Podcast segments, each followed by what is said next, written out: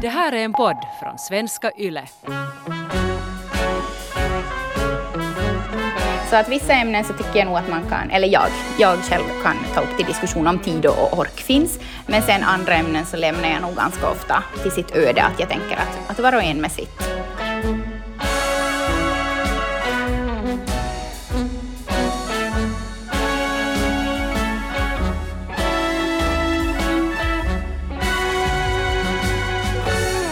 Oj Hanna, vi har, vi har ett lite så här på något sätt besvärande ämne idag tycker jag. Det, det är viktigt men det är också lite jobbigt. Ja, Ja. Det, det kan jag hålla med om. Ja, vi ska prata om det här med när man har vänner, bekanta, släktingar, personer som man nu på något sätt står nära och de har andra åsikter än man själv. Jag menar, det har man ju full rätt till. Klart man ska få tycka och tänka vad man vill, men ibland kan det ju bli väldigt jobbiga situationer. Det kan handla om vaccin eller hur mycket man reser under en pandemi eller det kan handla om rasism eller sexism. Eller, jag menar, det finns hemskt många liksom, minfält man kan klampa ut på här. Ja, eller sen bara man tycker att ens kompis beter sig som en idiot ibland.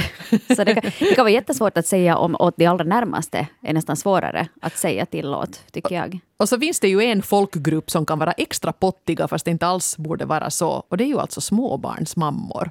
Nu har jag inte varit där själv nu på ett tag så att jag ska umgås med hemskt många småbarnsmammor. Men jag minns nog att där kunde nog liksom små knivar, mentala knivar flyga genom luften ibland. Ja, det där, det där moderskapet kan ibland faktiskt bli lite som en äh, tävling. Ja, Vem är bättre? Är jag bättre förälder än vad du är? Ja, det, det finns mycket åsikter och mycket övertygelser när det gäller små barn. Och därför så bjöd vi faktiskt också in en gäst den här veckan som har eh, dels berättat om det här att det händer ibland att hon stöter på bekanta som tycker annorlunda än hon och som dessutom ju är ännu en småbarnsmamma lite yngre än vi. Och det är ju då du, Karro Nordberg. Halloj! Ja. Halloj, det är jag. Välkänd från blogg och framförallt podden Föräldrasnack. Ja. Mm, det är sant. Om, om vi tar en sån här inledande fråga där, Karo, tycker du att det här med, med moderskap, att det kan vara lite av en tävling och till och med en sport i vissa fall? Ja, det kan det ju vara. Jag har ju skrivit jättemycket om uppfostran och föräldraskap i min blogg. Jag har inte bloggat nu på två år, så det har jag slutat med.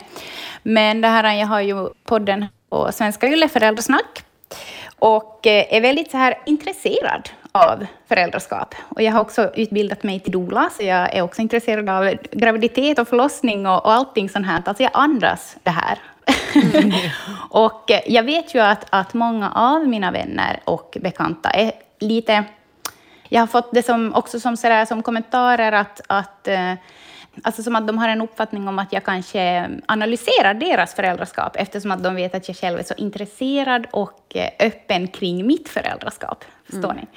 Eh, Så det blir lite så här att det krockar ibland för att jag har ju fullt upp med mina, eh, mina egna barn och uppfostrar dem och tänka på hur jag ska göra. Så att inte, inte har jag tid och inte har jag heller intresse av att analysera andras föräldraskap.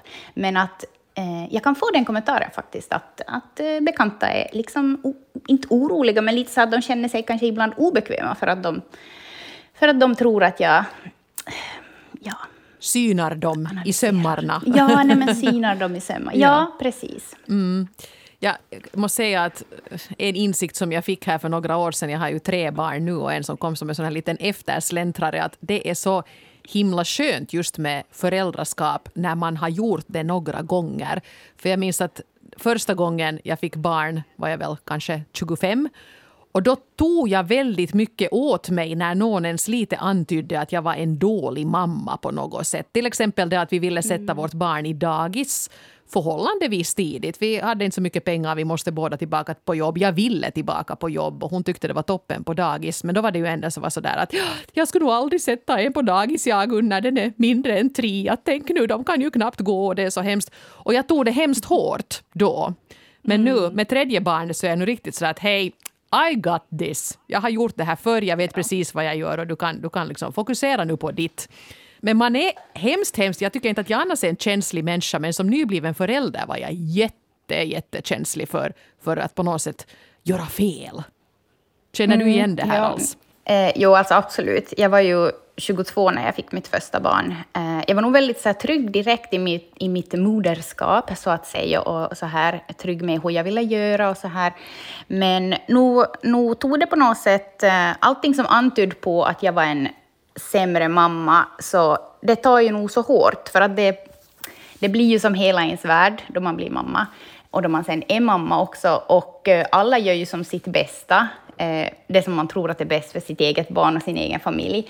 Så sen att, att någon antyder att man eh, skulle göra någonting som de tycker är sämre, eller som att man gör på fel sätt, eller att man skulle göra någonting som skulle förstöra barnen. Så, här. så det tar ju nog på ett annat sätt än om någon säger typ att eh, ja, är du nöjd med din frisyr? Du har vaknat på fel sida i morse. Men, men det är ju som någonting ja. helt annat. Men det är besvärligt om någon, mm. någon säger det om ens frisyr. Då, då Nej, ja, det är nog lite besvärligt. Jättebitchigt. Man säger jaha, är, är, är, du nöjd med den där frisyren? Okej, okay, då får du vara det då. Mm. du, äh, Karo, vi, ska, vi har ju fått flera brev också. Vi ska prata om lite andra ämnen också än moderskap och föräldraskap förstås. Men vi skulle kunna börja här med ett brev som har kommit in som handlar om just det här med, med moderskap. Och, och det är Lillemor, 26, som har skrivit in det här. Jag har en vän som blev mamma ungefär ett år före mig, men hon håller på som att hon har flera generationer mer erfarenhet än jag och det här gör mig väldigt trött. Och det här har nu pågått i flera år. Det är tygblöjor, det är helamning, det är hemgjord mat, absolut inget dagis före barnet är tre. Det är hennes käpphästar, för så gjorde hennes mamma och så får hon ju göra också om hon vill. Fine by me. Men jag har faktiskt gjort annorlunda val när det kommer till mina barn och jag är nöjd med de valen. Men jag blir ledsen av hennes spikar. Jag tvättar tydligen kläderna för kallt, jag ger barnen för lite grönsaker och när jag berättade att jag hade gått in i en klädbutik medan barnet var på dagis så blev hon helt förskräckt. jag skulle vilja be henne flyga och fara men mellan pikarna så är hon en väldigt rolig vän som jag värdesätter och gärna vill ha kvar. Och dessutom så är jag faktiskt lite konflikträdd. Jag får känslan av att hon känner sig som en bättre mamma själv när hon får tillrättavisa mig och det känns inget vidare. Vad skulle ni göra? Så skriver Lillemor, 26. Mm. Karro, det känns kanske mer aktuellt för dig än för oss, ett sånt här sammanhang. Mm. Vad skulle du säga? Vad skulle du råda henne att göra? Alltså det där är ju nog en jätteknepig situation. Eh, och eh, jag har väl lite förståelse för båda sidorna. Men jag har inte förståelse för den här kompisen som pikar helt uppenbart att vad hon nu sa där, att tvätta kläderna för kallt och inte ge några grönsaker eller vad det var, att eh, det tycker jag ju inte att det är okej. Aldrig att pika förstås, men att som faktiskt säga rakt ut åt en kompis att, att eh, du, det där är ju helt fel. Jag skulle aldrig göra så där som du gör. Alltså det där är ju helt att tänk sådana som gör så, och så man bara, det är uppenbart att jag gör så, så att kan du... och just det här med dagis också är en helt potatis. Men, eh, nej, men jag tycker nog absolut att man man får ta mod till sig och säga att, att jag är trygg i hur jag gör i mitt föräldraskap, att jag diskuterar gärna med dig, men att jag skulle uppskatta om du skulle kunna acceptera att jag vill göra på mitt sätt. Mm. Och jag tror att Lillemor gör helt, helt rätt analys här när hon lite misstänker att den där kompisen på något sätt kanske stärker sitt eget mamma-självförtroende mm. genom att trycka ner den där andra. Och det är ju en väldigt ful tendens. Och kanske man ibland tänker de här sakerna att nå, att vi, vi har nog mycket mindre problem med matkrånglande barn till exempel, kan man ju tänka och tycka att men det är ju skönt det, men man måste ju kanske säga det till den där kompisen som kämpar på där. Mm. Så att, Nej, precis.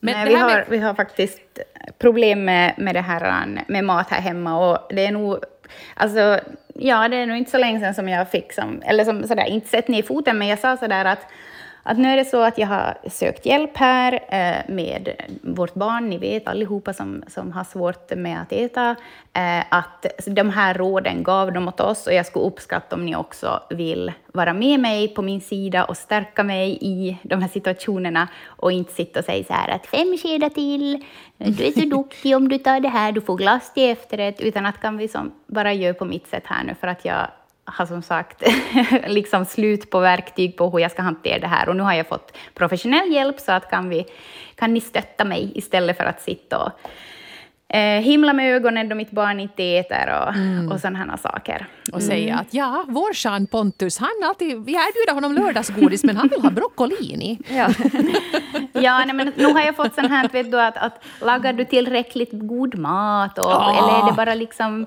färdig mat och, och sånt här. Att, att sen, och så vet man ju som, ganska ofta är jag som så här att jag inte kanske, alltså jag är inte alls en konflikträdd människa, men ofta är det ju nog så här att man kanske mer tyst istället för att ta alla sådana här dumma saker som folk säger, som att, att jag inte lagar tillräckligt god mat, eller så här, för att ingen vet ju hur, hur någon annan har det där hemma. Mm. Eh, så att jag tycker ändå att det är väldigt som...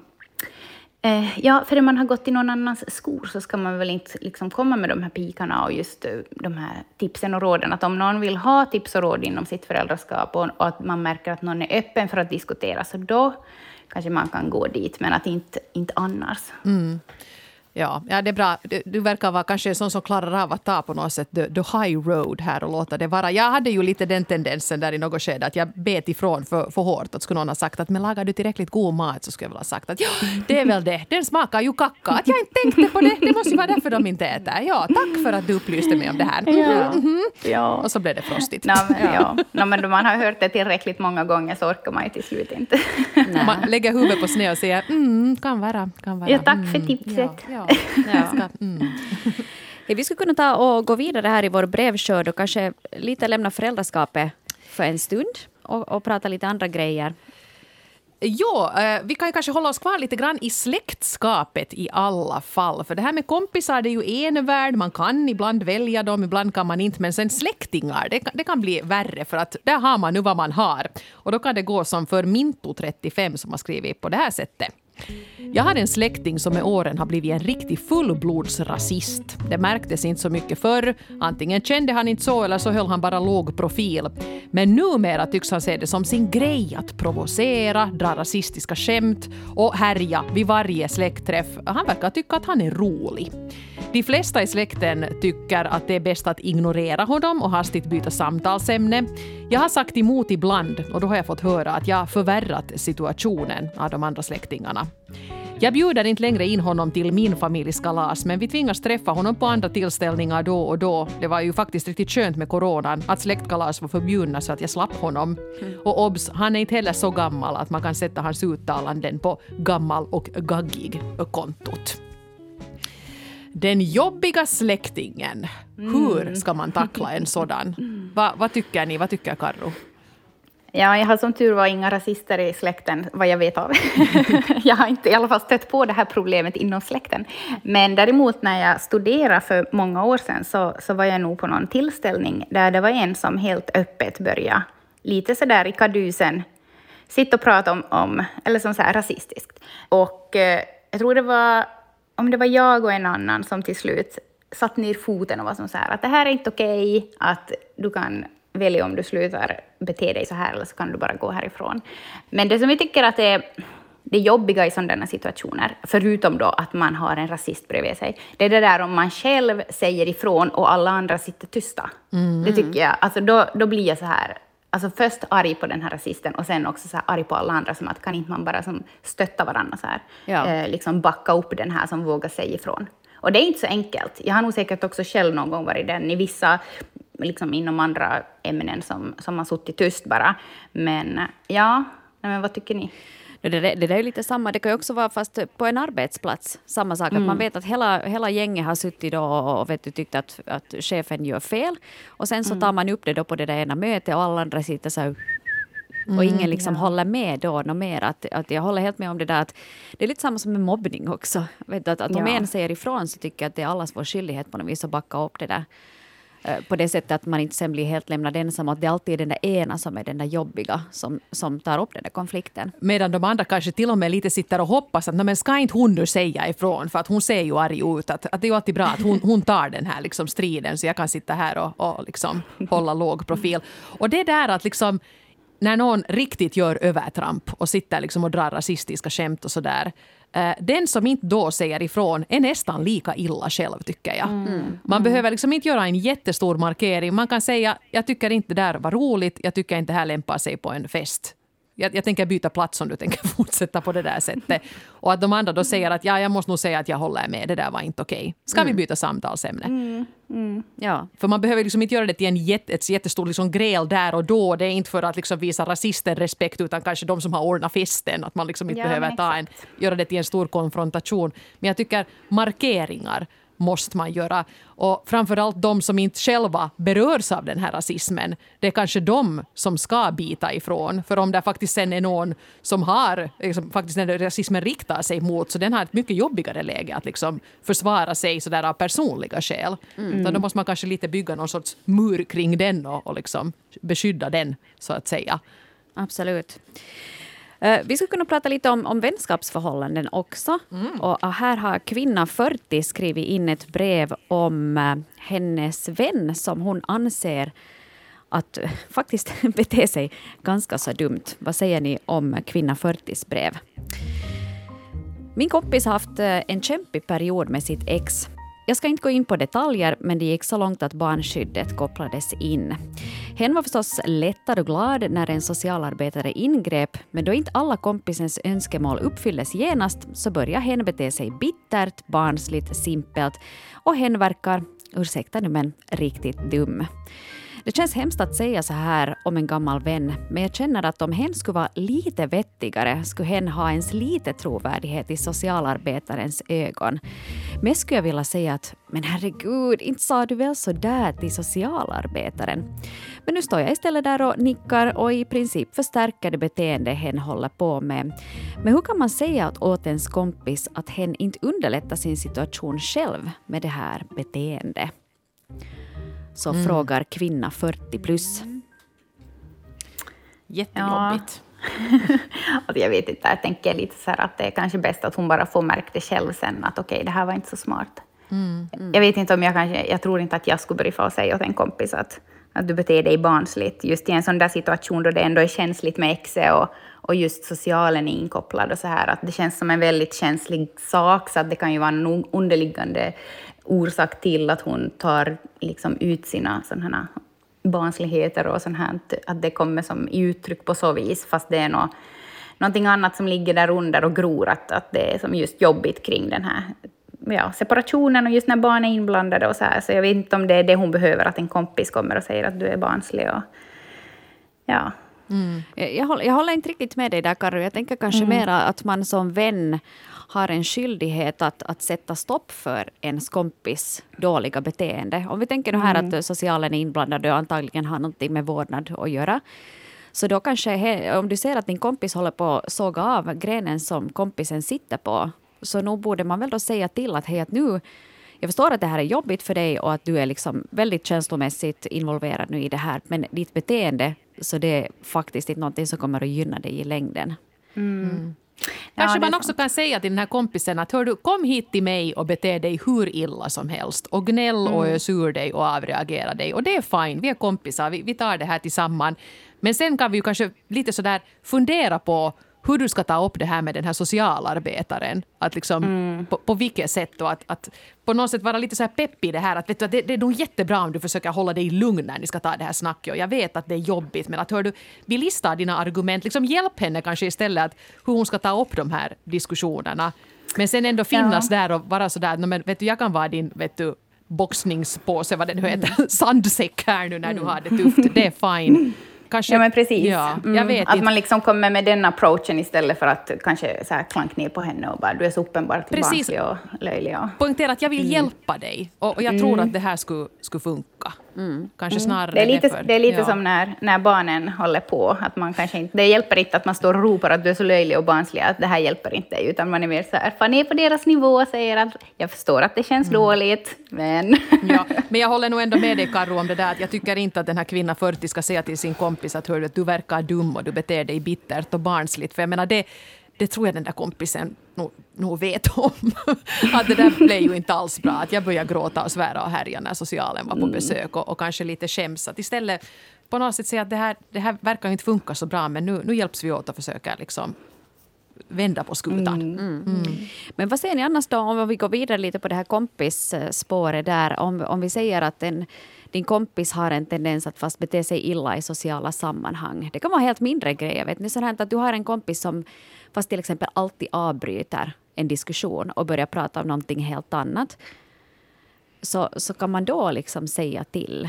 För jag tror att alla känner vi till att det finns de här människorna som på något vis är så självcentrerade att allting handlar om dem. Mm. Jag vet inte, jag skulle kanske inte säga. Ja, det är nog svårt det där. Ja. Jag, jag har någon gång sagt det där, vet just det att om jag har börjat berätta någonting och sen har då någon börjat prata om någonting helt annat, så kan jag komma tillbaka till att ja, som jag höll på att berätta här, så. så lite så. Och så ger man en sån här ja. En liten sån här. Ja. Eller så jättehjärtligt. Ja, det jag var inne på här innan jag blev avbruten var ja. ja, men mm, Ja, kanske nu. Det, men det där är jättesvårt, för att ibland kan det, ju, kan det ju bli på det sättet att man märker att folk lite missar att den där kompisen är en härlig person för att den har ett beteende som på något sätt förstör allting.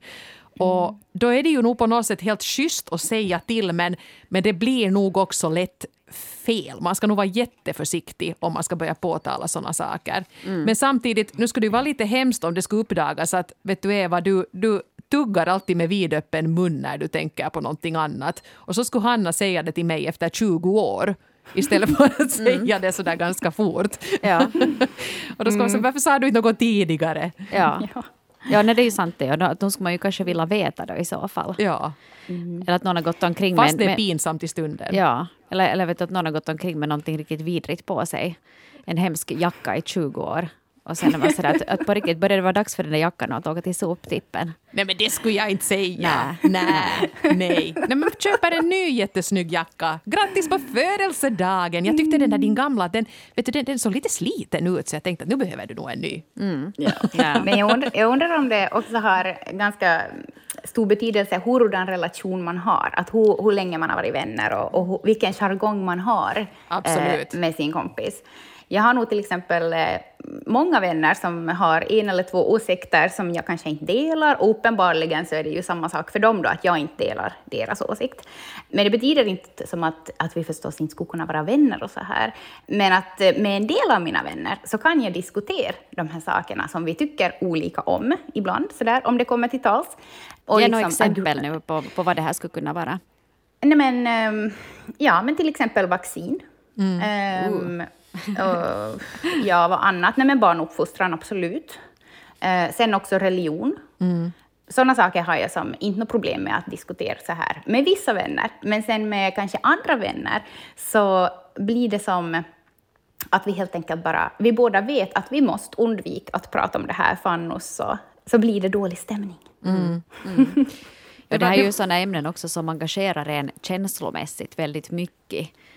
Och, mm. och liksom sådana som till exempel då tror på att vaccinera eller inte vaccinera. Eller religion är också någonting sånt som är svårt att, att liksom debattera för det handlar om tro. Så att det finns inte mm. egentligen där så mycket rätt och fel heller. Så. Det blev Nej, en ganska precis. intressant diskussion om det här faktiskt i Relationspoddens Facebookgrupp som man hittar om man söker på Relationspodden Norrena och Frans. Så där var det någon som skrev om det här att man kan ju i princip diskutera vilka eh, sådär eldfängda ämnen som helst. Men att det som, som kan bli tokigt är när den där andra har en sån här lite stöddig attityd och liksom inte ger något utrymme för det här. Liksom kommer in med det här att låt oss säga att jag är kristen och jag diskuterar med en ateist som säger att ja, ja, du tror säkert på julgubben och påskharen också. Mm. Liksom mm. kommer in med den där liksom fördummande attityden. Det är liksom, då, då, går det ju inte att diskutera. Att ofta är det kanske mera frågan om attityd än om ämne när man mm. diskuterar saker med sina vänner. Ja, men jag håller helt med. Och just det där också kanske att det inte heller måste bli en debatt, utan att man bara kan ha en, en lugn och sansad diskussion. Jag är inte kristen, men att jag har nog som fått höra det här att, att det är som så synd om sådana som inte ännu har hittat Jesus. Ja. Mm. Och så sitter man där och bara, du vet ju att jag inte är troende. Mm. men på samma gång så är det som att jag har inte heller behov av alltså, alltså sånt där jag och mina vänner uppenbarligen tycker olika. Så det är inte heller som att jag aldrig någon gång skulle ha någon sån här eh, eh intresse av att försöka övertyga någon om, för det är det som jag kan tycka att är lite jobbigt när man diskuterar med, kanske inte, kanske inte med vänner, men som ytligt bekanta, kanske typ på någon fest eller just på några andra tillställningar, att man råkar träffa någon och så kommer man in på sådana här känsliga ämnen av någon orsak. Eh, när folk ska börja som försöka övertyga en om att det som jag eh, min åsikt, det är nog den enda rätta. Så det tycker jag, alltså, då kan jag vara lite så här att back off, att mm. låt mig tro mitt så tror du ditt. Precis, ja, jag kan helt hålla med. Och det är, det är ganska förminskande att säga till någon annan att jag tycker synd om dig som inte liksom Ja, har funnit den rätta vägen. Man säger, men, Mm. du, finns nog andra som du kan tycka mera synd om än om mig för att jag klarar mig nog helt fint här med, Mm. med mina övertygelser. Men ska vi gå in på, på några sådana här aktuella ämnen som nog säkert i många bekantskapskretsar har fått det lite att, att hetta till. Vi har ju en pandemi på gång, ett vaccin som delas ut till de som vill ha det. Och sen har det ju också kanske varit lite sånt här med överlag hur man har betett sig under den här pandemin. Jag har åtminstone lite råkat ut för det här ibland att till exempel någon kompis har frågat ska vi ses och jag vet att men du var just ute och reste och du har nog inte suttit i någon karantän så att jag vill nog kanske inte riktigt träffa dig. Det här var kanske då när det var, var mera smitta i, i Finland också. Har ni stött på sånt här nu här under det senaste året? Ja, absolut. och också att man möter ytligt bekanta i någon affär och de kommer där helt glada utan munskydd. Man bara hej, hej. Kram! Ja. ja, och vad säger man då åt den där bekanta som kommer utan det där munskyddet? Eller kommer liksom för nära? För det, Ja. det är också lite sådär jobbigt. Det här vi ju måste alla säkert träna på under den här Jag tiden. börjat sådär, börjat göra en stor grej av det. Så att, ja, nu får, jag ska ju så krama dig, men vi får ju vinka då vi är här. Ha, ha, ha, ha. Ja. så att den inte bara ska få för sig att nu ska vi liksom vara närgångna. Ja. Ja, nej, men det är väl nog lite sånt man får köra med. Ja, men jag tycker det har blivit lite pinsamt för att det är ju klart att folk är olika rädda. Eh, en del är superrädda, en del kanske hör till riskgrupp och har, har alla orsak att ta det väldigt försiktigt. Och en del är inte så brydda. Och det syns ju inte liksom på näsaställningen utan det visar sig ju sen först när man möts vad, vad de egentligen tycker och tänker om det här. Mm.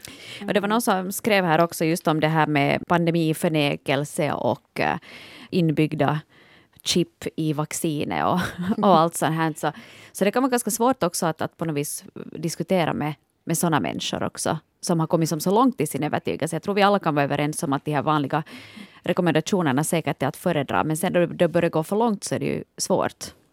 You can't argue with crazy. Vi skulle kunna ta fast här, det var en som skrev så här i vår Facebookgrupp. En av mina bästa vänner älskar konspirationsteorier. Mikrochip i vaccin, Rockefeller, ja gud vet vad hon tar upp med jämna mellanrum. Jag är själv helt ointresserad av det här och ganska skeptisk. Men dock förefaller det som att man sen när teorierna serveras för en under diskussion förväntas att automatiskt tro på allting, för det är ju så uppenbart. Liksom, hur kan man inte se att teorierna stämmer? Det är jobbigt det här och det är väl bara att undvika sådana teman, eh, skrev då J i vår Facebookgrupp. Och faktiskt att det här är en av hans bästa vänner och att han ändå då försöker le- leva med det här. Men det måste ju nog vara ganska jobbigt. Jag faktiskt stötte på lite en sån här liknande typ här för, no det, det handlar inte om, då, om det här coronavaccinet utan det handlar då om uh, det här mässling och vad heter det, NPR-vaccinet. Du kommer vet säkert också Karro som, som är bosatt i Österbotten att det har varit ganska mycket snack om det där och, och mässling var ett problem, eh, speciellt det där i Jakobstadstrakten. Och, och då kommer jag ihåg att det var någon, någon där från Jakobstadstrakten som skrev just om det här, länkat till någon underlig artikel och sa att ja, ja, här ser vi ju med några snabba googlingar så märker vi att det här vaccinet är liksom helt hemskt och det förstör våra barn. Och då blev jag väldigt förvånad, för jag hade på något vis tänkt att den här personen är ju en väldigt vettig, smart människa. Att jag var väldigt förvånad liksom över det där. Och jag tror att det är det där som är det farliga. Att i princip alla, eller inte alla, men vissa av oss verkar tro att man med några snabba googlingar vet Man bättre. hittar ju vad som helst med några Ja, ja, ja. snabba googlingar. Det är ju inte svårt. Men att då sen att man blir som så stark i sin övertygelse att ja, men jag har hittat liksom på Google, Google nå, nå, svar då på att, att det, det är fel att vaccinera mot mässling till exempel. Och att man på något vis anser då att man vet bättre än hela världens eh, samlade äh, mässlingsforskare. Så, Mm. så sånt här förvånar mig väldigt mycket. Och jag tänkte just att ska jag säga någonting om det här? Men jag faktiskt, när det var på, på Facebook så då kan man ju bara ignorera det också. Jag kände att jag orkar inte ta den fighten. Men jag tänker Karo för dig och, och där var du bor så måste ju det här vara någonting som verkligen har satt lite käppar i hjulet i de sociala sammanhangen. Absolut, det här är nog en vattendelare här och eh, ja, alltså jag, vet, jag tycker väl att Österbotten har fått lite väl dåligt rykte. Inte tror jag nog att det är så här usligt som det låter som att jag, alltså, jag vill ju tro att nog ändå de flesta kanske vaccinerar, men att det är kanske lite större andel som inte gör det då än vad det är liksom i andra delar av Finland. Men det här, jag chattade med en kompis för ganska länge sedan och eh, där var det just det här också att vi kom in på något ämne och så sa, drog hon en parallell, parallell då till att ja, men det är som med vaccinat, att de som ännu vaccinerar sina barn blundar ju nog helt för sanningen att de bor ju nog under en sten, att när ska de vakna? Och jag bara som att eh, ja, nej men yes, jag vaccinerar ju då. Ja. Hon ja. bara ja, det var en dålig stämning. Ja. Nej men så att jo, nu är det ju som att det dyker ju nog upp för jämnan, men lite sådär just eftersom att det är, eh, Österbotten är känt för det här, så vet man ju att okej, okay, folk tycker olika och sådär. Och det är ju som inte någon vits att försöka börja övertyga någon annan, eller att det måste ju nog på något sätt hälsovården sköt, känner jag. Eh, att det är som lite tröttsamt att slänga sig in i de här vaccindiskussionerna, och, ja, speciellt på Facebook. Alltså, nej, det skulle mm. jag ju aldrig göra. Det orkar man ju inte. Men det är också knepigt för att om man nu skulle till exempel höra till någon riskgrupp och kanske inte få vaccinera mm. sig, så har man då rätt om man till exempel ska gå och klippa håret att fråga frissan att är du vaccinerad för corona? För annars kan jag inte komma hit. Mm. Är, är, det det vi måste liksom hålla på med nu här sen? Eh, eller är det liksom mm. oartigt att fråga det? Nej, det tycker jag inte. Nej. Nej, och sen att nu är det ju annars också att man måste ta ansvar för sin egen hälsa. Att, att nu skulle jag också ja. fråga om jag skulle vara i någon riskgrupp så skulle jag nog förstås Alltså det är ju inte egentligen underligare än att fråga att har ni katt hemma? För då kan jag inte komma på ja. besök för jag är så allergisk. Liksom. Ja. Mm. Mm. Men om vi ska ta och försöka knyta ihop det här nu då på något sätt. Eh, hur man egentligen ska umgås med folk som tänker annorlunda. Eh, vad säger du Karro? Är det liksom Ska man, ska man göra sådär som Dr. Phil säger, att choose your battles, välj dina strider, eller, eller ska man vara diplomatisk, eller ska man stå upp? Va, vad tänker du sådär överlag? Ja, men för mig är det nog lite uppdelat. Att vissa ämnen så står jag nog upp för, som sådär att om någon uppenbarligen är sexistisk eller just rasistisk eller håller på med fatshaming, så då, då Nej, men alltså jag kan nog ställa mig där på barrikaderna och, och ta en liten diskussion. Som så där, att, att vara öppen också för att höra hur de tänker. Eh, utan att bara anfall och vara som så här att du tänker fel och så här ska man tänka och att hur kan du ens liksom hålla på med sånt här. Eh, att kanske höra vad de har att säga och sen se om de är öppen för diskussion och att då som försök kanske förstå varandra och också lär sig någonting av varandra. För att mitt i allt så kanske din inte är så sexistisk som det låter, utan den kanske Ja, den säger jag som att det är något Det är katten. Nej, men förstår ni vad jag menar? Att, ja, att, ja. att, liksom att försöka ändå mötas någonstans. Eh, Kanske dra ett eventuellt... skämt som landar helt fel och när man lite börjar ja. påta i det så inser man att den här personen tycker ju inte så här. Och, Nej, och kanske nu inser precis. att det inte var så kul. Mm. Ja, ja. Så att vissa ämnen så tycker jag nog att man kan, eller jag, jag själv kan ta upp till diskussion om tid och ork finns. Men sen andra ämnen så lämnar jag nog ganska ofta till sitt öde, att jag tänker att, att var och en med sitt. Ja, jag, jag håller lite med dig där. Jag, jag skulle säga just att det där samma med rasism och sexism, det är de där fighterna som är värda att ta. Så kan man kanske tycka mm. lite la la la om vissa andra grejer och, och sånt. Med mm. uppfostringsmetoder och sånt så, så har jag blivit ja. ganska bra på att le djupt och säga mm, mm. mm. Ja, ja, Du tycker så. Ja. ja. Mm. Stort tack till dig, Karro Nordberg, för det här. Dig har vi förstås också i podden Föräldrasnack som finns på Yle Arenan. Där kan man följa med dig och mm. vi önskar dig en riktigt fortsatt eh, härlig sommar. Hör du. Ja, detsamma till er. Tack för att jag fick vara med på tack ett hörn. Tack för att du var med. Det var kul det här ja. hörni, fast, mm. fast, ja. fast ämnet var jobbigt. Ja. Och tack också till alla er som har skrivit in. Du kan alltid kontakta oss på relationspodden yle.fi eller sen gå med i vår Facebookgrupp eller skriva till oss privat på sociala medier. Eva Frantz och Hanna Norrena så heter vi till exempel på Instagram. Så där mm. kan man kontakta oss. Kumbaya! Från finska folket. Vi hörs igen om en vecka. Hej då! Hej då!